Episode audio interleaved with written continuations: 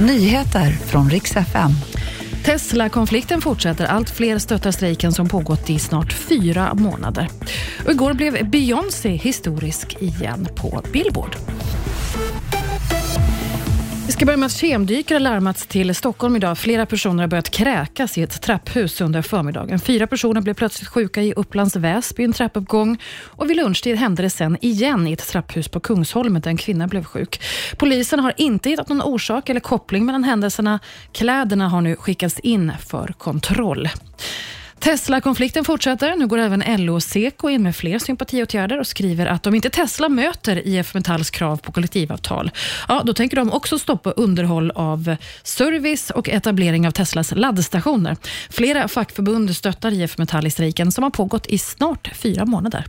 Och igår blev Beyoncé historisk igen när Billboard avslöjade att hon blir den första kvinnliga svarta artist någonsin som toppar listan över Hot Country Songs och för den som missat det har hon alltså släppt en ny countrylåt. Texas Hold'em heter den och 13 februari släpptes den och redan hunnit streama runt 20 miljoner gånger. Det här var nyheterna och jag heter Maria Granström.